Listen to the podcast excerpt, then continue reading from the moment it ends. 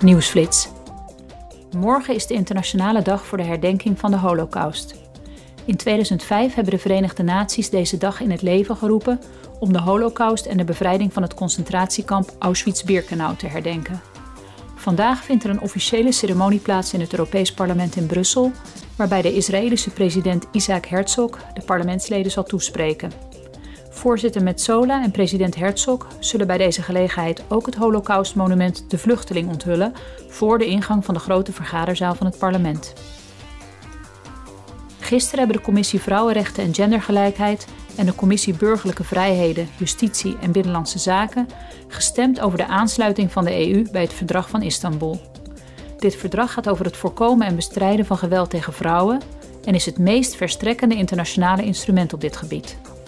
Als de EU het verdrag van Istanbul ratificeert, zal er harder worden opgetreden tegen gendergerelateerd geweld en zullen vrouwen overal in de Unie dezelfde bescherming genieten. Deze week heeft het Europees Parlement de regels voor politieke reclame aangescherpt. Het doel is om de Europese verkiezingen transparanter te maken en beter bestand te laten zijn tegen inmenging. De Commissie Interne Markt en Consumentenbescherming wil dat er meer informatie beschikbaar is voor burgers, instanties en journalisten. De wijzigingen in het voorstel van de Commissie zouden leiden tot een feitelijk verbod op microtargeting, een strategie waarbij consumentengegevens en demografische gegevens worden gebruikt om de specifieke belangen van mensen in kaart te brengen. De voorgestelde wijzigingen zijn ook bedoeld om extra sancties op te leggen als de regels voor politieke reclame met voeten worden getreden.